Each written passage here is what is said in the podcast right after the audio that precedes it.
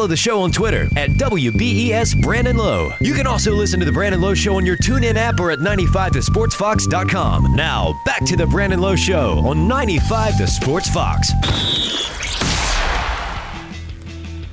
All right, welcome back. Brandon Lowe Show 95, The Sports Fox. You can take us on the go at 95thesportsfox.com. Also available on your TuneIn app. Podcast version of the show, whether it's uh, full episodes or interviews. You can get it iTunes, Spotify, Google Play, and Stitcher Radio, all streaming service for that matter. And uh, we got two great guests. Let's get to our first guest. Uh, it's Jeremy Allen from Appalachian Trophy TV. Of course, we have to hit that outdoor se- segment intro first before we bring him on It's been a little bit since we played it, so let's kick that intro. Time for the Brandon Lowe Show outdoor segment with Appalachian Trophy TV host Jeremy Allen. Every Friday, we break down tips on hunting and fishing. Anything you need to know about the outdoors, right here on the Brandon Lowe Show. All right, it's that time outdoor segment. Jeremy Allen, host of Appalachian Trophy TV. Jeremy, welcome back to the show, my friend. Thank you, man. It's nice to be back. How was your uh, How was your Valentine's Day? Well, it's uh, it was nice. You know, got the got the wife some flowers. Took her out to dinner last night up at Hibachi, so that was nice. Got to eat some good food. And, uh, went well, man. Went well. That's awesome, man. Good to hear that. Yeah, we just uh, we got one of those heart pizzas from Husson's. That's that's what yeah. my wife and I did. We like we like that, man. Uh, you order those things. Uh, everybody orders those on Valentine's Day. That's a hit because we ordered ours around like five o'clock, and they're like, "We'll be there by 7.30, We think. Yeah, I've heard, man. A lot of people, a lot of people pick up those pizzas. Which Husson's pizza is awesome anyway. So oh, yeah. to get it in a heart shape's just a plus. Well, let's uh, let's. It's been a while since we had you on. Uh, what's been going on with Appalachian Trophy TV, man? Well, we're busy, man. It's it's the time of year where we're trying to produce episodes, get all those ready for the new season to run this summer. Um, hopefully, July 1st, we'll be airing out 10 or 13 new episodes on Carbon TV as well as uh, EKB TV, which is a, a new channel we're airing on. We're on uh, five different cable networks um, in southern West Virginia, Kentucky, Virginia, and started airing on them January the 13th, I believe. So uh, we're excited about that, reach some new viewers, get it out there a little more, and just busy, man. We went down to the Archery Trade Association show in Louisville. Uh, myself and a few guys did. had a great time meeting with sponsors and had some meetings. Everything went really well. So we're plugging along, man. Everything's going great. Couldn't ask for uh, anything to be better, and definitely blessed to have the opportunities we do. Thanks for joining us. We got Jeremy Allen, host of Appalachian Trophy TV.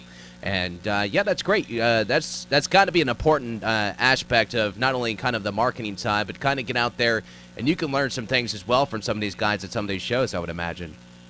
Oh, definitely, man. It's a great atmosphere, and what's cool is it's the the Archery Trade Association show. Either you're a you're either a vendor or a manufacturer or a television show. It's not like our Charleston hunting show where the public can come. Um, it, it's specific for these uh, archery vendors, and uh, it's really cool to go down. A lot of our sponsors are set up there, so we're able to talk with them, uh, put faces with uh, with names that we know, and, and have a good time. And it went really well. Talked to some new people, some new potential companies, and and uh, solidified our contracts for the ones we currently have. So it went really well. All right, so I want to jump in some of these numbers that have been coming out as well. The uh, DNR released uh, their final numbers of the 2018-19 deer seasons. Uh, the total harvest was then 1% of 2017. Uh, deer harvest, 11% uh, below the five-year average, though, that came out this year. Um, what's uh, what's your thoughts on it being 11% below the five-year average? What would be some of the factors in regards to that? Well, I think the main thing, man, is the electronic check-in process. You know, when when I was younger, you had to take your deer to a check-in station, whether it was a gas station or a, a bow shop or whatever, and, visibly let them see your deer. They looked at it, they verified it, and they wrote it down in the books. Nowadays, everything's done online through electronic or electronically. So I can literally kill a deer, get on my cell phone, put in my information, and, re- and check in my deer on my phone. So what I feel is happening is a lot of people are not checking in their deer. They're killing them, and rather than using up their tag, they're just not worrying about it. And I think that that's the big difference, as well as the camaraderie you had going to these places. I mean, I loved going and shooting a nice buck and having to go check it in because all the other hunters there were looking at it. You were able to talk with them, see what they had, had killed, and it was fun. It, it was really fun. That was one of the best things of the hunt, and they they took that away. I understand it's convenient, but I feel that has a big factor on uh, on the numbers as well as as poachers. Man, I mean, people shooting deer not checking them in. It's bad in our state. It always has been, and uh, it's going to continue to be that way. Yeah, and, and the irresponsibility of that, uh, as far as uh, you know, some of these uh, conservationists and, and people that uh, you know, the wildlife management, um, them keeping that number and the harvest being irresponsible like that hurts the process, and that's when you start having some of this uh, this House bills and stuff coming out, like this recent one with the the 2984 or whatever the House bill. And we'll get to that in a second, but that's why I think people start thinking, well should we harvest more? Should we harvest less? And I think that's what that irresponsibility of that and being irresponsible with not, you know, checking in your deer uh, just hurts everything. I think people don't realize how much that hurts uh, the whole process. Oh yeah, man. Like I said, it was. It, it used to be fun to go check in your deer, and now it's just convenient. And as we know, cell phones and, and, and technology has really taken over and I do understand it's more convenient. I do understand some people may have had to drive 20, 30 miles to get to a check-in station, but I, I feel that, that that has a big factor or plays a big factor in the numbers, and that uh, if they would not, they're not going to go back to the old ways, but they're going to have to find some way to fix that. But I feel that that has uh, is a reason in the decrease. Talking with Jeremy Allen, host of Appalachian Trophy TV. Uh, the antlerless deer season, uh, two and a half percent less than 2017, 20 percent below the five-year average, as well. That harvest is uh, obviously the key component to any deer management strategy, uh, as far as controlling the future deer population. And uh, there's been some kind of attack on that as well that deer season as of late.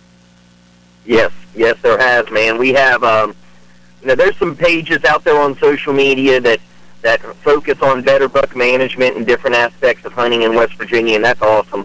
I'm all for management. I'm all for growing our deer in West Virginia and promoting our wildlife and what we have to offer. Um, but it, this this industry and television, unfortunately, outdoor television has played a big factor in, in causing uh, issues with hunters. Uh, the camaraderie of, of guys going out to camp and having a good time is is slowly fading away, and you have these guys who hunt uh, hunt hard, just hunt big deer, and then they're talking bad about the guys who go and shoot a two-year-old eight point.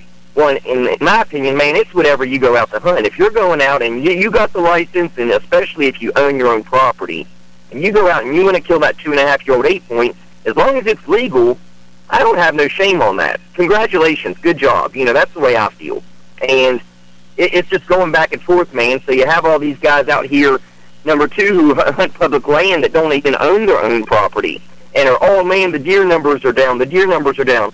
Well, yeah, maybe on public land where you have, you know, uh, thousands of other hunters coming out and hunting these properties as well. Um, you know, uh, like for instance, me, you know, I'm a landowner and I pay a lot of money for my land and I pay property taxes and everything else. And the reason I'm able to harvest success or be successful and harvest nice deer is because of the time and money that I put in many, many evenings after work. I'm going out there working two or three hours till dark on my tractor working on the food plots. Weekends when I could be out with my family or go out fishing, I'm up in the fields working. And that's what a lot of us do. That's real management. And I feel that everybody thinks that, you know, just because Ohio's killing big deer in these other states, that, that we could do that too. Yeah, we can. It, with some regulations come around and things get worked out. But the main thing is managing your properties. If everybody would go out and put a little bit of time, a little bit of effort and money into their land, it would make a world of difference statewide.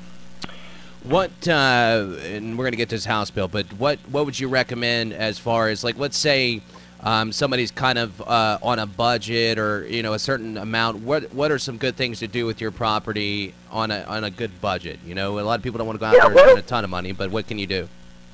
Yeah, well, I mean, there's a lot of ways. My team uses Whitetail Institute products. They're great.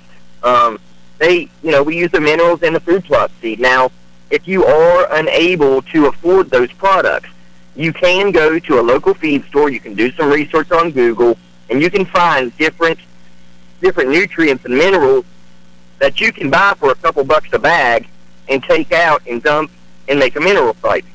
The mineral site helps the bucks with their antler growth. They should all be out right now. You know, you should have your mineral sites out for those bucks to start messing with them, promoting their antler growth, as well as the does and their lactation for the fawn. So a simple little $5 mineral site can make a world of difference in, in years of doing that. And, you know, you put multiple ones on your property, just depending on how much property you have. But that's a cheap and easy way to do that. Um, corn does not benefit the deer whatsoever. People who feed corn, uh, you know, they mainly do it to draw them in. It does give them fat, and it does help them during winter time. But as far as nutritious for them, there's not much nutritious value in corn. So you could feed wildlife supplement feeds, which are a little little more expensive um, if you have the money to do that. But the cheapest and easiest way to help grow your deer herd is mineral sites and managing them. If you, you know, it's your decision if you want to shoot that little two-year-old or three-year-old buck. That's your choice. But if you shoot him, he's not going to be there next year. You know, so you're taking that deer out of your herd. You're taking the potential opportunity to kill a bigger deer. But that's all up to you. If you do it, I don't shame you on that. Let's talk about House Bill 2984 real quick. Just a quick summary because there's a lot that's involved with this. There's some stamps as well being regulated and possibly taken away or eliminated uh, certain things of bow hunting. And, uh, you know, of course, we already mentioned the antlerless uh, deer as well. But then also the uh, new look regulations allow for hunters to kill one buck and three uh, on the uh, does, does on the base hunting license. Second buck would be allowed only after a hunter had killed that antlerless deer. And second buck would have to meet strict uh, antler restrictions of three visible uh, tines above the brow tines as a main beam. So, um, so basically, there's some different things as far as the limit of deer, and then plus the bad thing is license fees are going to be raised. I mean, by a lot. I mean, if you look yeah. at some of these prices, they go from eighteen dollars to forty-eight dollars, uh, fifteen to forty-five, thirty-three to sixty-three, one ten to two fifty. I mean, there's 40 to 100. I mean, this is uh, this isn't small jumps by any means. These are large jumps in price. Yes, it's it's it's frustrating to some extent. I mean, I am all for the management of our deer herd in West Virginia, and I agree that the three bucks that we are allowed to take currently is too much. I do agree with that. Um, I am okay with the two buck limit. You know, you being able to go out and harvest two bucks, whether it's with your bow, your gun, whatever, it's your choice. Now, this bill isn't designed that way. It's designed to be able to, I believe, to kill one with a bow. You buy an extra stamp, and then you're able to kill a second buck after you kill a doe.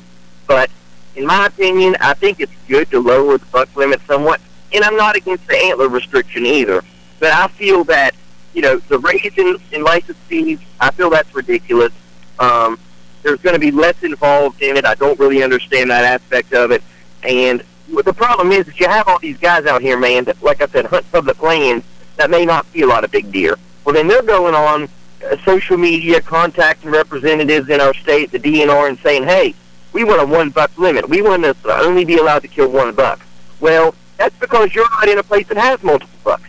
We have a guy on our team that killed five open young plus class whitetails in the state of West Virginia this year on his own property. So you know, we killed 16 whitetails, with 11 of them being 125 inches or bigger, and you know, we have no problem with with killing big deer. Our team does it, and we have farms just like everybody else scattered all across the state in different areas. So it's just frustrating that certain people play such a ruckus in it that it causes issues for hunters statewide. Certainly, and uh, another thing, legisla- uh, legislation recently just introduced uh, this was coming out yesterday in uh, Charleston. Would enable deer hunters to buy a couple of early hunting days during the rifle season. House Bill 3059, which proposes opening rifle season starting this fall on the Saturday prior to the traditional opening day, which is the Monday before Thanksgiving. Uh, and hunters would have to purchase a special stamp. What's your thoughts on that one? Well, I mean, I'm okay with opening seasons on Saturdays. I think that's a great time to open the seasons because of us being off work. You know, most people work Monday through Friday. You may not be able to take off that week, so the opportunity to hunt opening day on Saturday is definitely a plus. Um, but any additional stamps or money, man, I mean, we, we pay a good bit now.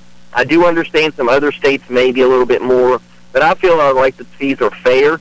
And, uh, and, and they've even, you know, it, there's just a lot of factors in it, man. And I just feel that um, if, if we would all stick together and focus on one thing, then it would work. But you just have all these different groups of people uh, with different ideas and different opinions, and that's all they are, are opinions. That's what's frustrating. the guys with these opinions who may have the time to sit at home all day and post on social media while all of us are working, or the guys who are able to take the time to call all these representatives, they're ruining it for everybody else, or they're doing things that we may not be okay with. Um, so I know they do have a meeting set up. The DNR has a meeting set up. I believe it's February 24th. I look forward to going that going to that as long as I can because I will stand up and voice my opinion. But I feel that, uh, like I said, the bill isn't all that bad. I'm okay with the buck limit. But as far as raising the licenses, I don't agree with that. And I also feel that if I want to kill two bucks with my bow, I want to kill two bucks with my bow. I don't want to be required to kill one with a gun or a muzzle loader. You know, if I want to bow hunt, I want to bow hunt. Yeah, I agree with that. Hey, uh, before we get you off the air here, um, what are some uh, cool activities coming up uh, throughout the winter um, that people can get out, you know, outdoors or you know whatever? What are some cool things we can do right now? Yeah, man. I mean, you still have squirrel hunt. It runs to the end of February, February the 28th. Uh, grouse season's in, which is, you know, it's hard, few and far between these days, but it is still in, and there are still some grouse hunters out there. Um, you have rabbit season until the 28th. Raccoon hunting and trapping is until the 28th. Uh, you can hunt red fox, gray fox, bobcat, um, otters, uh, and coyotes all currently. So uh, night hunting on coyotes started up on January the 1st, which is really cool. It runs through July 31st. So that's a good opportunity to get out and, and get rid of some of those fawn killers out there. And, uh, of course, trapping's full-fledged right now going until the end of the month. So, and, and trout fishing. You know, you got your all your trout streams. They're starting to get stocked and ready. And it's just a great opportunity to get out and enjoy our beautiful state. Finally, uh, tell the folks uh, what's the latest with Appalachian Trophy TV and where they can go to watch the show.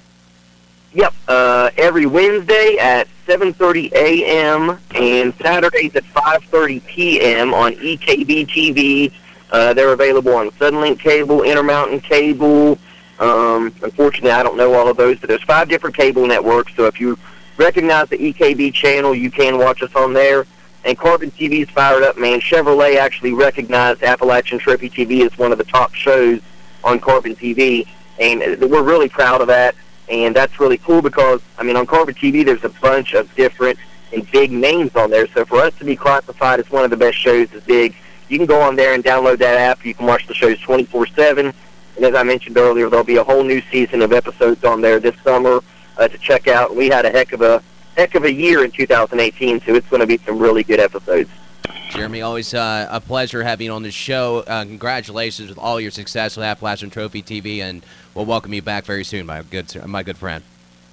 Thank you, man. I appreciate it, Brandon. You have a great weekend. God bless, and I'll talk to you soon, buddy. All right, you do the same. There he is, Jeremy Allen, host of Appalachian Trophy TV, and uh, they do a tremendous job. I enjoy watching their shows, and uh, they teach you a lot about uh, getting out there in the outdoors and uh, give you a lot of great tips. It's not just really uh, one of those hunting shows where you know they're completely trying to just sell you on products. They really, uh, really do a good job of kind of uh, filling in on things you can do to get better, uh, either as a as a hunter or a, an angler. So it's pretty cool.